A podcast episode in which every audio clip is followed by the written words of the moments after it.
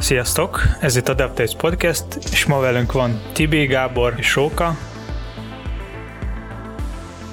Átbeszéljünk a prók és a kontrák a komponens fejlesztésről, és a végén egy kicsit a kódminőségről.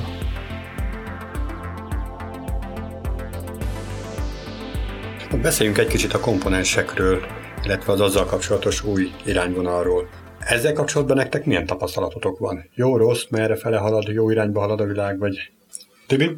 Hát, hogy is mondjam, bizonyos esetben úgy érzem, hogy jó, és tök hasznos a dolog, bizonyos esetben meg ilyen inkább ilyen lassító tényezőnek érzem. Konkretizált, hogy mi, mi, mikor van az? Konkrét esetet nézek, ha adott esetben, de mondjuk itt már a akkor beleveszek majd mást is, na mindegy. Le kell fejleszteni egy ilyen tök alap, most akkor direkt nem komponensnek jó, egy, egy oldalnak egy ilyen teljesen alapelemét, konkrétan legyen mondjuk egy, egy checkbox. Úgy érzem, hogy mondjuk három évvel ezelőtt az tartott fél óráig, 40 percig, nem tudom, plusz nyilván hozzá kell írni valamiféle logikát, hogy a, a működésben az mit, mit, mit csináljon. Jelen esetben viszont például ez a dolog, ez eltarthat akár egy fél napig, vagy mondjuk tapasztalatlanabb embernek egy napig is.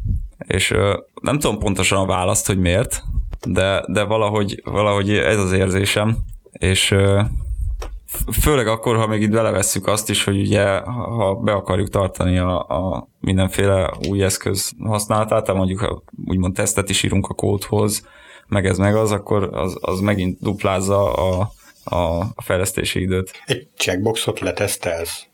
Tehát az egy HTML elem, ami a HTML garantálja, hogy az checkboxként tud üzemelni. Ezt le akarod tesztelni? Ez olyan, mint hogyha a számítógépet letesztelnéd, hogy egy meg egyet össze tudja még most is. Tehát, hogy a plusz operátor az jól működik-e. Azért vannak olyan részei a szoftvernek, amiben meg kéne, hogy bízzunk. Nem tudom, hogy hol van a határ abban, hogy mikortól érdemes teszteseteket írni, és mikortól nem ez nem biztos, hogy az én pályám, az, az biztos viszont, hogy ha úgy döntünk, hogy mindenhez kell, akkor az is biztosan lassítja a munkát. Régen ilyen szempont nem volt egyáltalán. Most nem azt mondom, hogy a minden jó, ami régen volt, egyáltalán nem erről van szó, csak, csak most kicsit arra hegyezném ki magát a témát, hogy mi az, ami az ügyfélnek is érték. És itt most lehet mondani azt, hogy oké, okay, van írva teszteset, ami folyamatosan csekkolja a kódot, ha tör, hogy törik el, meg ez, meg az, meg amaz, megfelelően működik-e benne mondjuk az üzleti logika, nem tudom. Tehát ez, ha úgy veszük, ez is ügyfélérték, mert folyamatosan ellenőrizve van a kód. Mhm, persze. Viszont uh, szerintem valahogy, tehát valahogy meg kéne húzni például a teszteseknél, teszt, teszt, teszteknél azt a határt, hogy mikortól érdemes tényleg egy komplex tesztet írni egy adott. Mert mindig az van ugye, hogy hogy, hogy, hogy legyen meg bizonyos százalék. Csak, csak az úgy, tehát ez ilyen, nem tudom, nem biztos, hogy így kéne mérni, mert valahol érdemes például tesztet írni, valahol nem. Például egy ilyen esetben nem biztos, hogy érdemes. Én a százalékkal sosem értettem egyet. Tehát, hogyha százalékra megyünk, akkor az száznál lejjebb nem érdemes adni, mert akkor biztos, hogy lesz egy olyan, olyan nagyon ritkán használt része a szoftvernek, ami valószínűleg karácsony másnapján fog elromlani, és akkor fognak felhívni, hogy hoppá, most az éles rendszer áll.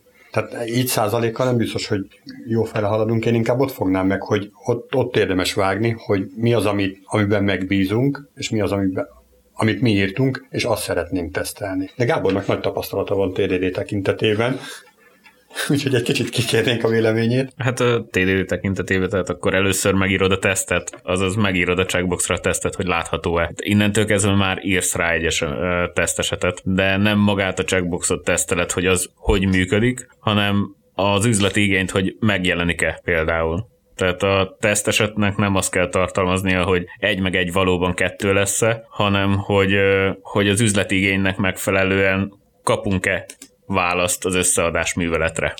Azért került elő a téma, mert korábban arról vitatkoztunk, hogy például egy gomb, tehát egy hasonlóan egyszerű elem, egy button HTML elem, azt érdemes egy ilyen komponensbe foglalni. És akkor itt megoszlottak a vélemények. Ha mondjuk egy projekt elindult ebbe irányba, akkor, akkor mi legyen a megoldás? Tehát, hogy nyilván sokkal egyszerűbb használni Vanilla HTML, CSS-el, meg a IS-sel egy gombot, viszont ha a projekt elindult valamilyen irányba, például komponens irányba, akkor, akkor szerintem sokkal jobb, hogyha marad a fő terv, és maga a gomb le lesz fejlesztve terv szerint, és nem úgy, ahogy legkönnyebb használni. Persze, de én komponensnek egy, egy nagyobb elemhalmaz gondolnék.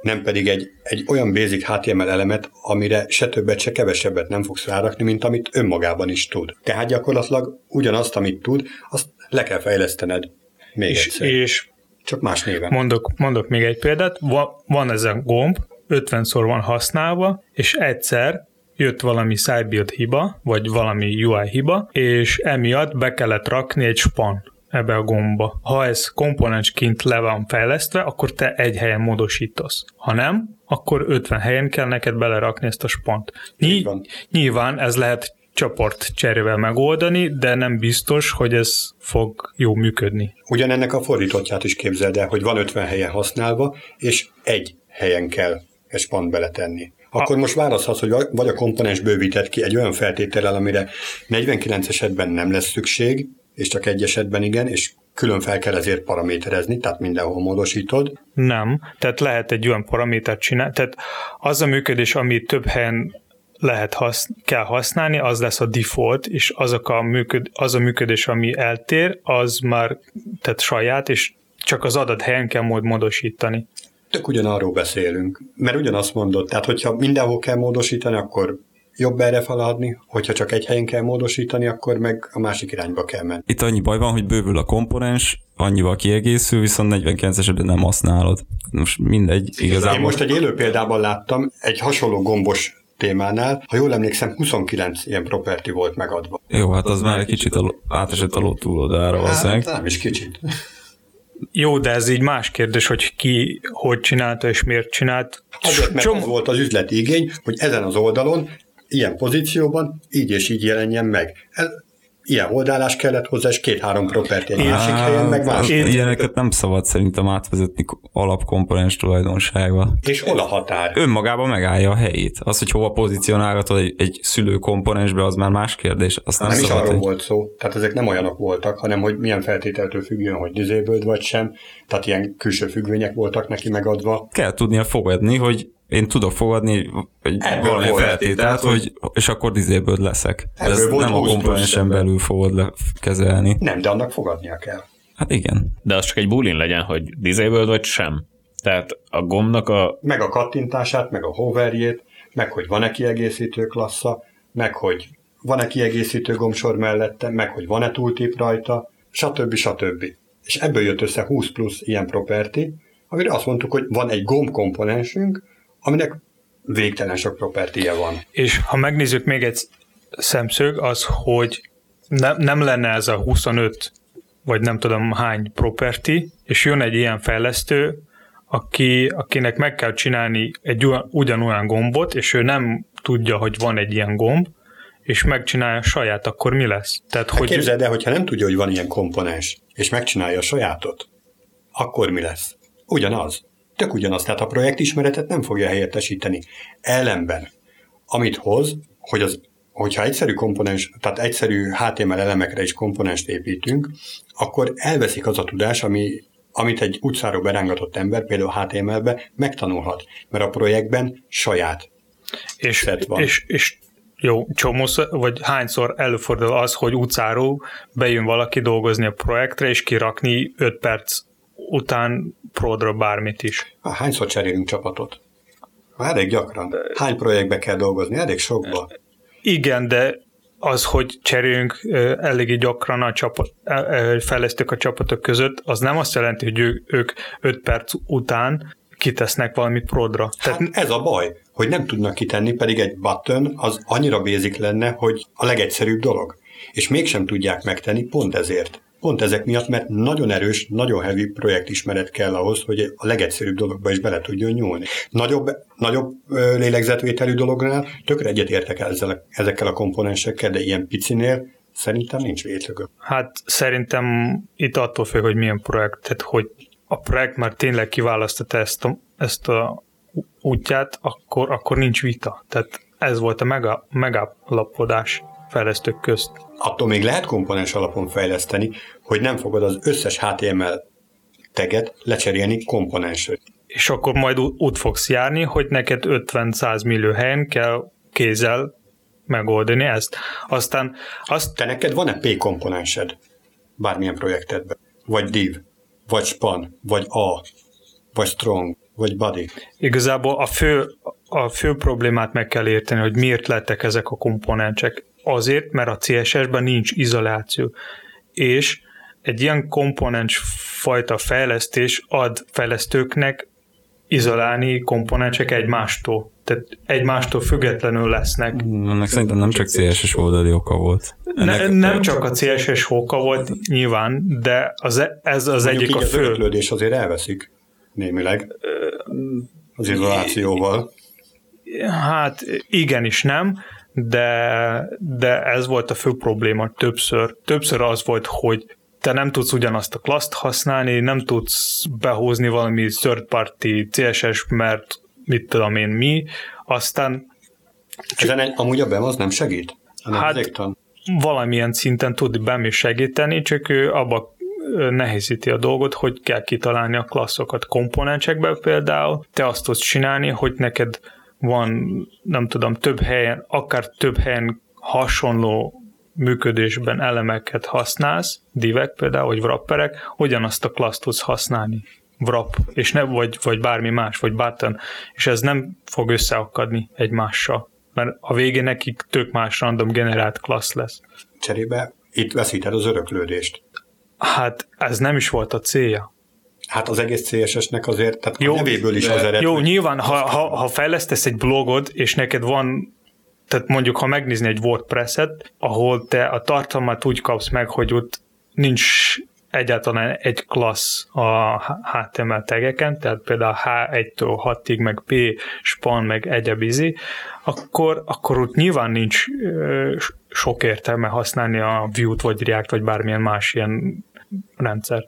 És ott pont van a helye a, a öröklődésnek, ahol te H1-nek adsz, valamilyen CSS, és az ott marad, ahogy van.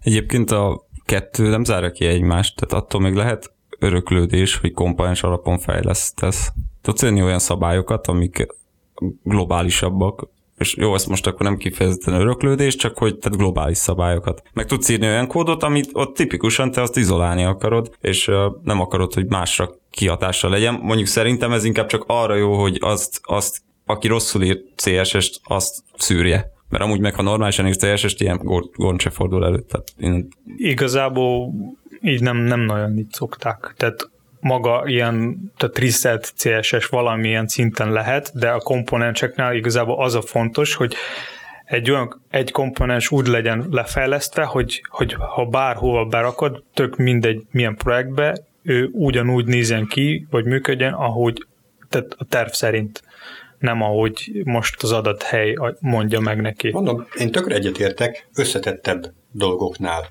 de egy sima HTML button vagy egy checkboxot így megcsinálni, az már egy kicsit a lónak szerintem a túloldala. Amikor egy buttonnel csak annyi, hogy hívjuk máshogy, és akkor saját. Én szerintem, hogy minden megoldásnak van egy saját pro és kontra, és, és igazából tudni kell az, hogy mikor milyen megoldást kell használni. Tehát ez a fontos. És sokkal fontosabb az, hogy az adott projekt legyen, tehát az adott projektben a kód legyen egységes, amennyire egységes, amennyire lehet, és nem úgy, hogy vannak komponensek, ami ilyen folytán van lefejlesztve, a másik máshogy. Ha, Csak arra kérdésre nem válaszoltál még, hogy van neked strong komponensed például? Nincs. Miért nincs? Minek? Pedig a, mert nagyon szép Jó, egységes de- lenne, hogy a font weight az mindenhol annyi, amennyi. Hát a strong ez tök más, mint a button. Tehát ez nem ugyanaz. Ö, Azért, mert Hát mert a, a button ez egy interaktív elem, a strong ez egy szövegformázási elem. Nincs különbség? akkor mondjuk egy H1, ami szintén csak szemantikailag különbözik, de nem interaktív, tehát egy főcímelemed azért szokott lenni. Hát erre például lehet csinálni egy ilyen komponens, ami neked textet generál, és ez neked lesz egy komponens, és nem H, és nem 6 plusz P. Tehát egy komponensből generálsz minden szöveges elemet, ami csak létezik a HTML-ben. Hát azt paraméterből adod neki, hogy mi legyen belőle. Például igen. Ez dinamikus tud le- lenni, és, és ilyen szempontból fejlesztőknek nem kell gondolni, na most milyen kell ha- használni, és milyen méret, meg milyen izé, hanem Hanem ők- meg kell ismerni a projektet, hogy van egy ilyen szöveggenerátor komponensünk. Hát amúgy is meg kell ismerni, hogy neki most milyen ö, szövegelemetet be kell rakni. Hát azért elég jól ismert, hogy egy P után valószínűleg egy másik Jó, ra- fogok tenni. Rosszabb esetben berakja ott a divet, aztán ennyi. Uh-huh. Még rosszabb esetben nem rakja oda semmi. De legrosszabb Nekem csak egy az a kérdésem, hogy itt beszéltünk arról, hogy a button, mint uh, eventet végrehajtó valami, uh, arra már komponens, akkor mondjuk egy selectre kell komponens, vagy nem kell komponens? Tehát, hogy oké, okay, hogy a button nem hasonlítható egy pétekhez, de egy selecthez már igen. És ott azt most kiszervezzük komponensbe, vagy ne szervezzük? Hát, hogy kinézett az más, működés az más, mint natív, akkor igen. Viszont ha maga a select, vagy a default HTML megjelenítésből eltér a dizájntól, és többször inkább az, akkor nyilván, hogy kell külön komponens, mert De hogyha nem tér el, például mobilon szoktunk azért jellemzően ilyet. hát akkor nem is biztos, hogy kell. Tehát, hogy egy az egybe úgy néz ki, mint a default, akkor használsz a select. Ugyanúgy, a, jó, a, a, ha visszatérve a gombhoz, ha a gomb ugyanúgy néz ki, mint, mint natív, akkor nyilván nincs semmi értelme használni a komponenseket. Viszont nem így van, majdnem, nem tudom, 99%-ban az összes projektekben, amit mi dolgoztunk legalábbis. Nem volt egy, egy, egy ilyen se projekt, ahol a gomb az a default kinézetet, a, a default kinézetettel. Hanem általában a StyleGuide-nak megfelelő. Mindenhol tök egységes. Igen. Amire mondjuk írsz egy CSS szabályt, hogy a button az így néz ki, aztán készen vagyunk. És akkor mindenhol lehet a button használni. Lehet így, igen. Viszont ha a projekt az komponens alapú, akkor ott legyen azért egységes a kód. Akkor írjunk még több kódot, hogy nehéz legyen csatlakozni a projektbe, és egy ilyen egyszerű gombos feladat, az ne lehessen 10 perc alatt meg. De Róka egyébként ettől nem nehezebb csatlakozni. Tehát most, ha úgy van szervezve a kód, már pedig mostában mindig úgy szervezzük, akkor átlátod eleve, ott van components, megnézed, ah, ilyenek vannak, olyan, mint egy Lego kockák lennek egymás alatt. Ja, látom, van button, oké, ezt be fogom tenni oda, azt van egy buttonom. Tehát ez, ebből a szempontból nem. És szerintem inkább itt az a probléma, hogy, hogy tehát nem, nem is probléma, ami inkább előnye talán ennek, amit mondjuk már Edu is mondott, hogy, hogy kvázi van egy templéted valahol. Ezt nem kell többször átírni, és igen, nyilván bonyolultabb elemeknél van ennek nagy előnye, mert ha többször újra kell használni egy bonyolultabb elemet, akkor azt nem kell mindennyiszor végigírnod. Tehát ez tök jó.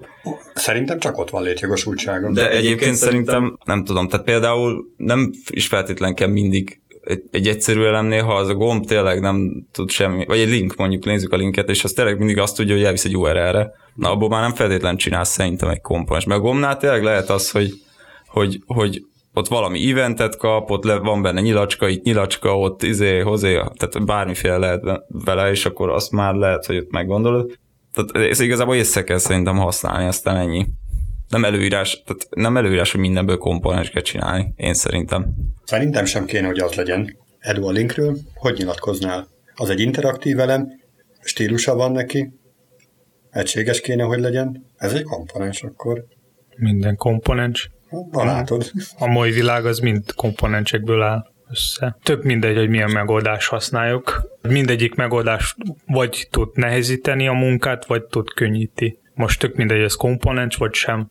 Tehát, ha jó van megcsinálva a projekt, akkor, akkor könnyű lesz használni bármit is, akár komponenseket, akár na- natív vagy vanilla megoldások. Igazából összességében szerintem az eszköz választásánál döntöd el, hogy milyen irányba mész. Ha olyan eszközt választasz, ami erre alapul, akkor tök mindegy, hogy komponens csinálsz, vagy nem csinálsz komponenst, így is, úgy is például a JavaScript fogja helyre pakolni a világ mindenséget. Tehát onnantól kezdve az már tényleg csak ízlés kérdése, hogy most neked szimpatikus, hogy komponensben van szervezve, vagy nem.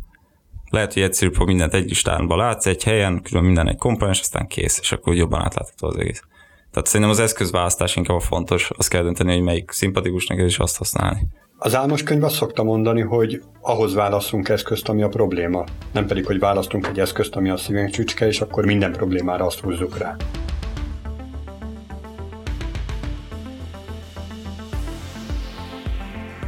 Én is hoztam egy témát, és akkor ezt az előbbire fel lehet fűzni, hogy szóba került az, hogy attól, hogy eldöntöttük, hogy melyik verziót használunk komponens vagy nem komponens, mindegyiket lehet jól és rosszul csinálni.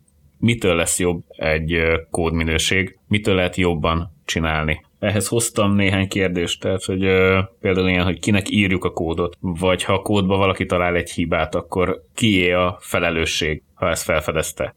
Milyen kódot írjunk, hogy nagyon okos legyen a kód, vagy érthető legyen inkább a kód? Hol kezdődik egy fejlesztés? Nektek mi erről a véleményetek? Hát szerintem, hogy a kódot elsősorban saját magunknak írjunk, mert például szerintem mindenkinek ismerős ez a vicc, hogy, a, hogy mit a blame mutat, vagy kit, és, és csomószor az derül ki, hogy ez te voltad, vagy az adat hibára, vagy az adat rossz kódra azt gondoltad, hogy valaki más volt, de végül is nem ő volt, hanem, vagy nem más volt, hanem te. Szóval szerintem elsősorban saját magunkon, ki, saját magunkon, magunkat írjunk a kódot. Viszont a kódot nem szokta úgymond a megrendelő nézni. Tehát ő azt nézi, hogy jól működik-e. Aztán tök mindegy, hogy ebbe a dobozban most milyen alkatrészek vannak. És hogy adás előtt azért beszélgettünk egy kicsit erről, hogyha megnézel egy autót, akkor ott a motort azt kinek csinálják, a szerelőknek, vagy pedig az autó tulajdonosoknak. Hát vannak ilyen tulajdonosok, akik, akinek tetszik, aki szeretik nézni a motorra. Vannak ilyenek, de azért az esetek többségében nem ez van, hanem az ember szeretne egy megbízható autót, és nem érdekli, hogy hogy működik a motor, csak működjön jól. Igen, viszont a motorba nem szerepelhet valamilyen ö, szenzitív kód, viszont a kódba lehet, azért szerintem itt még lehet megnézni, tehát a megrendelőnek fontos biztosabban lenni, hogy a kódba nem kerülhet valami szenzitív dolog. Jelszó. Például. Most arra gondolok, hogy ha beszélünk egy kicsit biztonságról, akkor az úgy ügyfél mitől lehet biztos abban, hogy abba az alkalmazásba, amit ő rendelte, ott a kódban nem kerül bele egy ilyen kód, ami, ami mondjuk szenzitív, tehát mondjuk most jelszavak vagy valami tokenek, most ha uh-huh. megnézzünk a weboldalak, tehát hogy ő nem előnőr, előnőrzi ez valahogy, vagy nem megnézni, vagy, vagy megtalálja valakit, aki ezt fog csinálni, akkor ő nem biztos, hogy lesz biztos ebben. Hát egyrészt bizalom, Egyrészt igen. Egyrészt bizalom, másrészt meg akármilyen szoftverre felderíti, de ugye ez, ez szerintem nincs összefüggésben azzal, hogy most kódminőség ilyen vagy olyan. Hát a kérdés volt, hogy kinek írjunk a kódot. Na igen, kinek írjuk a kódot? Én speciál a kollégáimnak írom a kódot, hát ők reviewznák. Igen, tehát hogy ők fogják majd utána olvasni ezt a kódot. Tehát első szempont, amikor megírom a kódot, az az, hogy aki olvassa, az értse is. Csak a tesztesetekhez akartam visszakanyarodni, hogy ak- miért, akkor miért van az, hogy, hogy az ügyfél azért fizet, hogy x százalékon álljon a teszteset a kódhoz. Az is a kódot csekkolja, meg nyilván azt, hogy a, hogy a funkció jó-e utána. Na, tehát egy ügyfélnek azért fontos a teszt, hogy biztos legyen abban, hogy nem rohad el később ugyanaz a szoftver, amit már hónapokkal előtte lefejlesztettünk. Tehát egy későbbi fejlesztés nem fogja elrontani a korábbi fejlesztésünket amire tesztek nélkül egyébként jó esély van. Mert hiszen mikor nyomkodnád végig azt, amit hónapokkal ezelőtt már bebizonyítottuk, hogy jó, és mindenki letesztelte, és jó volt. Tehát az automatikus tesztfuttatás az erre ad jó választ. Az viszont egy tök más kérdés, szerintem szintén semmi köze ahhoz, hogy most az az elsődleges szempont, hogy nagyon szép és múzeumi kódot állítsunk elő, nagyon szép olvasmányos legyen. Egyébként fontos, tökre fontos, mert nekünk kell karban tartani a saját kódunkat, vagy pedig az az elsődleges szempont, hogy ez kielégítse azt az ügyféligényt, ami miatt a kódot írjuk egyáltalán. Tehát akkor holnaptól megjelenik egy minifájolt róka.hes, amit a legtöbb projektbe behúzol, mert az ügyféligényt ez gyönyörűen kielégíti. Hát valahol kompromisszumot kell húzni, de egyébként az ügyféligény az első, szerintem. Igen, viszont csomószor az történik, hogy fejlesztők sajnos bizonyos okok miatt nem tudnak hibátlan fejleszteni, és nekik majd kell javítani hibákat, és erre tud elmenni az idő, tehát hogy a kód az nem olvasható, vagy nehéz olvasható és nehéz debug kereshető, akkor a megrendelőnek több pénzt kell fel, ö, fizetni, mert több idő elmegy a projektre. De abszolút egyetértek ezzel, tehát második szempontnak tök jó, csak ne az első szerintem az, hogy, hogy nagyon szép múzeumi kódot csináljunk. Nem az első. Visszakanyarodva Gábornak arra a kérdésére, hogy akkor minifájolt ilyest fogok-e gépelni, meg kell nézni, hogy mennyi haszon lesz belőle. Tehát, hogyha minifájolt kód az mondjuk egy mikroszekundummal kevesebb idő alatt fut le, mint a, a nem minifájolt kód, akkor hagyjuk az egészet a fenébe, mert nem hoz akkora üzleti hasznot az egész. Viszont, hogyha mondjuk 6 perccel hamarabb lefut az a kód, akkor igen, akkor minifájot fogok, minifájot kódot fogok én gépelni a saját két kis kezemmel. Nem, itt igazából arra akartam kihegyezni ezt a kérdést, hogy úgy hozol be egy libet vagy kódot a projektekbe, hogy rajtad kívül az senki nem tudja kényelmesen átolvasni, és utána karban tartani. Ú, ez nagyon jó kérdés. Más kódját megérteni az mindig nagy kihívás, és sokkal nehezebb, mint megírni. Ezért szoktunk nagyon sokszor újraírni dolgokat. Igen, de hogyha megpróbálsz figyelni az írás közben arra, hogy ezt másoknak írod, tehát kollégáknak, akik majd utánad jönnek, akkor lehet, hogy talán a kódminőség szebb lesz, és kevesebb az esély annak, hogy hú, ezt írjuk újra. Egyetértünk, tök fontos, csak második, nem az első, a második szempont. Szerintem egyébként abban a szempontból ügyfél számára is fontos, hogy könnyen olvasható, könnyen megérthető, gyorsan feldolgozható és szapportálható kód legyen, mert később könnyebben fog hozzányúlni, tehát kevesebb munkaidő alatt valaki elvileg. elvileg. De egyébként meg erre vannak tök jó túlok, amiket már használunk, Igen. ami a magát a kód formázást elősegíti, tehát egységesíti, magyarul könnyebben érthetővé teszi. Szerintem inkább azokat kell nyomatni. Az ilyen mindenféle lintereket, itt ilyen pretty word, meg mindenféle ilyen dolog van, HTML formázva, akármi, ami, ami azt segíti, hogy amit te írsz kódot, bizonyos szabályrendszer alapján, amiben nyilván a egymás közt megegyezünk, az, az egységesé teszi, és akármilyen logika van benne, akkor is a maga a kép az egységes lesz. Ö, nagyon nüansznyi az a téma, amit most feszegetünk, de hogy, tehát, hogy melyik a fontosabb? Az, hogy jól működjön a szoftver, vagy az, hogy olvasmányos legyen. Ha nem jól működik, akkor nem kell a kutyának se. Ha nem olvasmányos, akkor nehéz lesz karban tartani, de attól még jó lesz.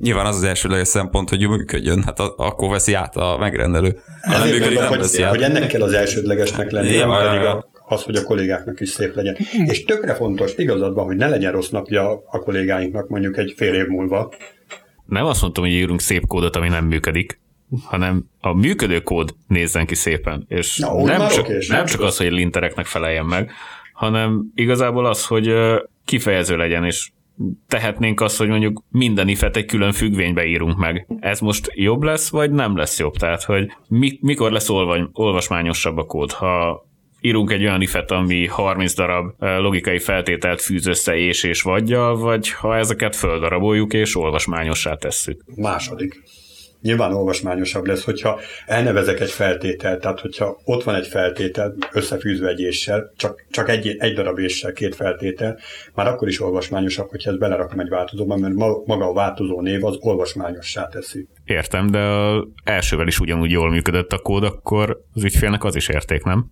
Persze, az az elsődleges szempont, hogy működjön. De akkor ott meg is állhattunk volna, nem? Hát, hogyha nem lenne második szempont, akkor igen. Úgy egyetértünk, csak hogy más a sorrend nekem a mhm. fejemben. Na, itt igazából még azt is szeretném itt továbbfűzni akkor, hogy ha már olyan kódot írunk, ami első szempontból az ügyfélnek érték, aztán szép, hogy milyen kódot írjunk akkor, hogy érthető legyen a kód, vagy okos. Tehát mondjuk használjunk különböző design patterneket, mert hogy ezt írja le a szakirodalom, hogy már pedig csináljunk interfészt, csináljunk abstrakciót, és abból származzunk le, és akkor egy egyszerű Hello World-et is robbantsunk szét három fájra, vagy hol találjuk meg azt a mennyiséget, ami miatt inkább érthetően lesz egy for cikluson valami echo-val. Szerintem nincs erre egy exakt vonal, ahol azt mondhatod, hogy 513 darab kódsornál már ezt a design patent kell használni, egész addig meggányolja. Tehát, hogyha tudod a projektnek a célja egy Hello World marad, akkor ott nem kell. Ha tudod, hogy ennek a projektnek nagyobb célja lesz, akkor már eleve úgy indulsz neki, hogy ezeket használod. Szerintem így érdemes felbontani. Hogy nagyjából azért képbe vagy, hogy mekkora lesz ez a projekt, és mi lesz majd később belőle. És a projekt szinten döntsük el, hogy oké, okay, akkor ez egy egyéves projekt, ez egy marha nagy projekt, akkor itt mindenre egy pattern fogunk alkalmazni. Még akkor is, hogyha mondjuk alkalmazzunk egy fájl átnevezést, amire megint szerkeztünk egy patternt, és akkor lesz egy olyan metódusunk, ami át tud nevezni egy fájlt három fájlba. Holott lehet, hogy egy string replace néhány helyen sokkal egyszerűbben megoldjuk, és olvashatóbb. Vegyünk egy példát, hogy a fájl neveket kiszervezzük egy külön szervizbe, ami meghatározza, hogy egy adott fájlnak mi legyen a neve. Uh-huh. Hogyha mondjuk másoljuk ide, vagy másoljuk oda, akkor valami nevezéktant beletesz, verziószámmal látja, vagy bármi. És lehet, hogy ezt használod csomó helyen, de lehet, hogy nem. Tehát attól, hogy na, egy éves a projekt, tehát nagy a projekt, és design patterneket használunk, akkor ezt is ki lehet szervezni úgy, hogy lesz egy name service ami meghatározza a file nevet, de lehet úgy is használni, hogy ahol épp kopizol, akkor csak meghívsz egy egyszerű replace-t. Hát ebből a második elsérül, hogy mennyire lesz olvasmányos, és mennyire lesz, tehát hogyha arra gondolsz, hogy mennyire lesz rossz napja egy fél év múlva valakinek, akkor igen, legyen, legyen ebből egy külön szerviz. Mert akkor az nagyon szép egységesen leírja, hogy ez már pedig a fájnevekkel foglalkozik, még akkor is, ha csak akár egyetlen vagy kettő helyen használod. Meg akkor is, hogy 500 helyen használod.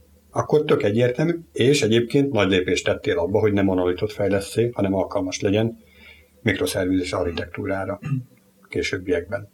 Mint ez azért, hogy mondjuk HTML helyett HTM legyen a fájl vége. Tehát, hogy jó.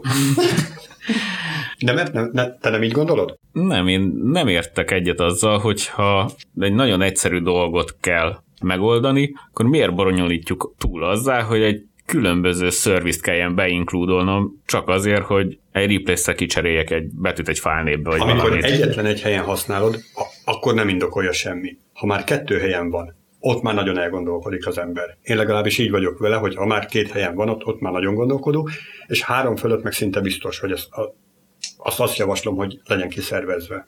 Én, én még azt gondolom, hogy tehát hosszú távú maga a projekt, akkor ott amennyire lehet olvasmányosabb legyen a kód. Tehát, hogy mondjuk egy hét alatt meg kell csinálni egy valamilyen projektet, és az csak még egy hétet fog létezni, aztán ott szerintem nem, már nem annyira fontos maga a kódminőség, viszont ha a projekt több év keresztül lesz használható, és több év keresztül fejlesztők fognak hozzányúlni, akkor sokkal fontosabb maga a, a kódminőség az, egy, az egyik pont azért, mert sokkal könnyebb lesz majd, vagy sokkal gyorsabb lesz majd bármit is kijavítani abba a projektbe.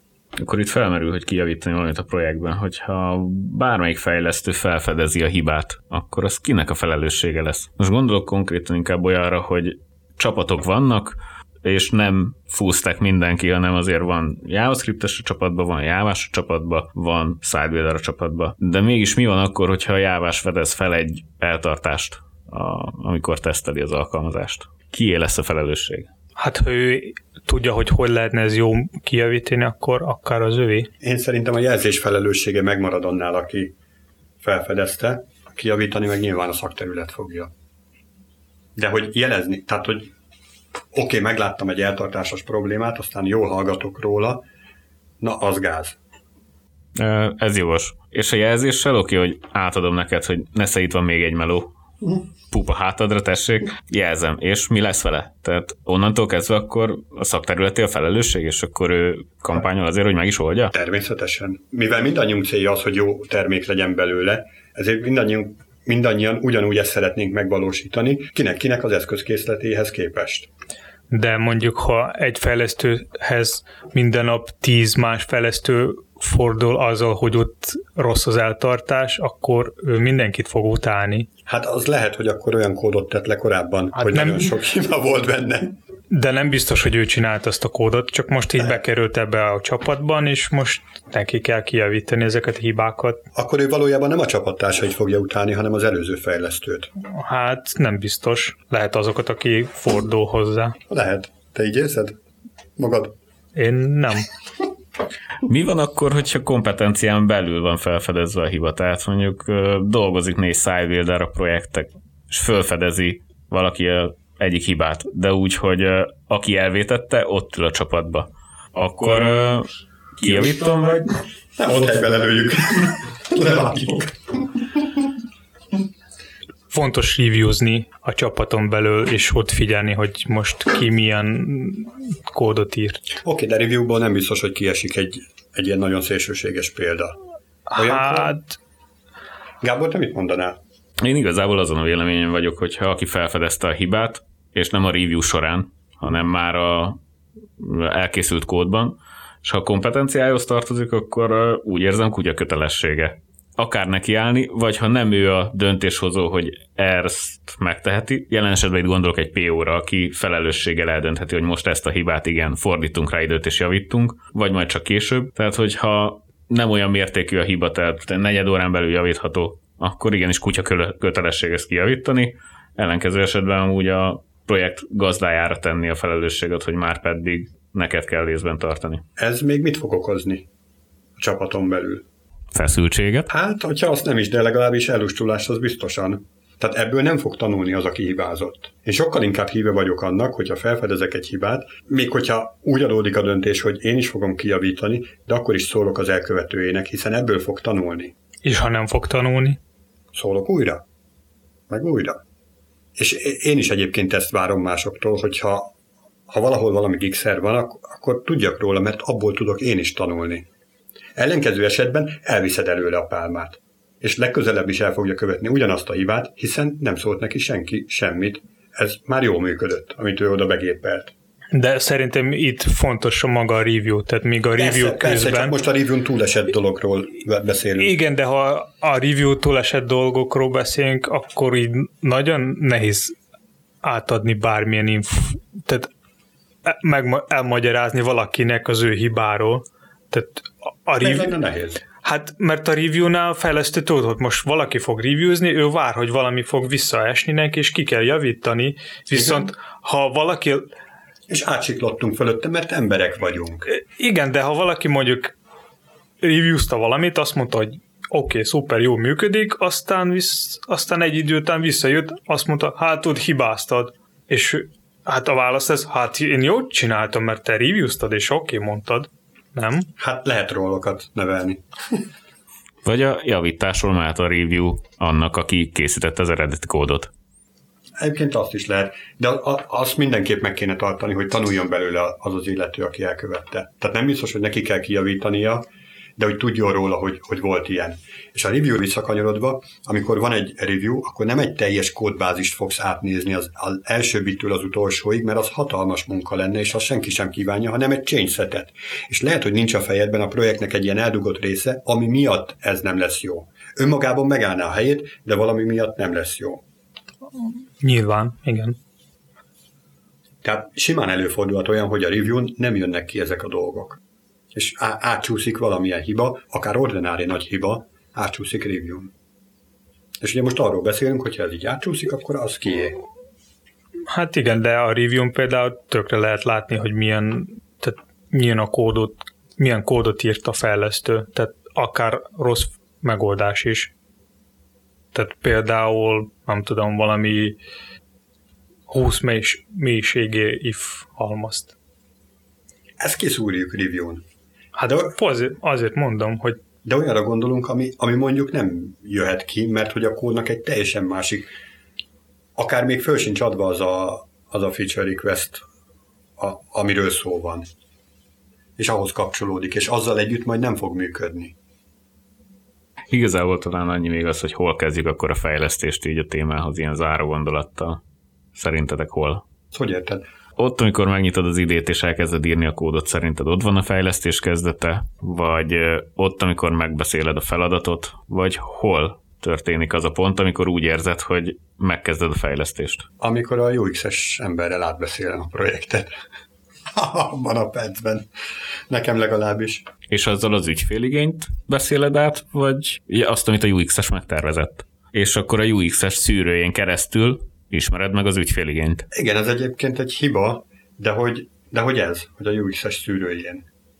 Mert hogy a UX fogja megmondani azt, hogy hogyan szeretné azokat az elemeket működtetni ahhoz, hogy az a felhasználó élmény biztosított legyen, ami egyébként azt az ügyféligényt szolgálja ki, amit, amit szeretnénk. Tehát mondjuk az az ügyféligény, hogy szeretnénk, hogy regisztráljanak az emberek, a UX-es megtervezi, hogy akkor ide kell egy input mező, meg egy gomb, és hogyha rákattintasz a gombra, akkor előjön egy másik input mező, ahol már nem tudom milyen adatot adsz meg, és ő ezt a flow tudja bemutatni. És hogy ez a flow azt a célt kell szolgálja, hogy tudjanak regisztrálni az emberek. De hogyha nem lesz jó az a flow, akkor nem fog teljesülni az ügyféligény. Ezért fontos megismerni a UX-et. Csomószor az van, hogy te nem, a fejlesztőknek nincs is lehetőség beszélni a, a UX-esekkel. és nekik, és ők vagy a project manager, vagy a project owner keresztül kommunikálnak a designerrel, aki kommunikál az ügyfélel. Hát minden egyes kommunikációs hopp az egy információvesztő hely. Ez így köztudott. Esetleg megelőzzük azzal, hogy át is gondoljuk azt a fejlesztést, amit meg is kell tenni. Bólogatok közben. Erősen. Vagy igen. Mert ezért nagyon sok probléma szerintem szül- szülődhet abból is, hogy a taskban leírt dolgot egyszerűen csak megvalósítjuk. Igen, igen, igen. Abszolút egyetértek. Tehát muszáj átgondolni, mert anélkül tehát ne, nem tud működni, nem fognak összeilleszkedni ezek a LEGO kockák. És szerintem nem csak egyedül átgondolni, hogy még valakivel. Vagy legyen még Hát legalább... beszéltünk most. Hát ja. Remélhetőleg a csapatban van hasonló kompetencia, és van kivel megbeszélni. De még csak nem is kell hasonló kompetencia, tehát eltérő kompetenciával is lehet. Tehát most képzeld el egy, hogy tipikus frontend beállítottságú ember megbeszél egy tipikus backend beállítottságú emberrel. És nagyon jó szempontokat tud egyik a másiknak adni. Valóban.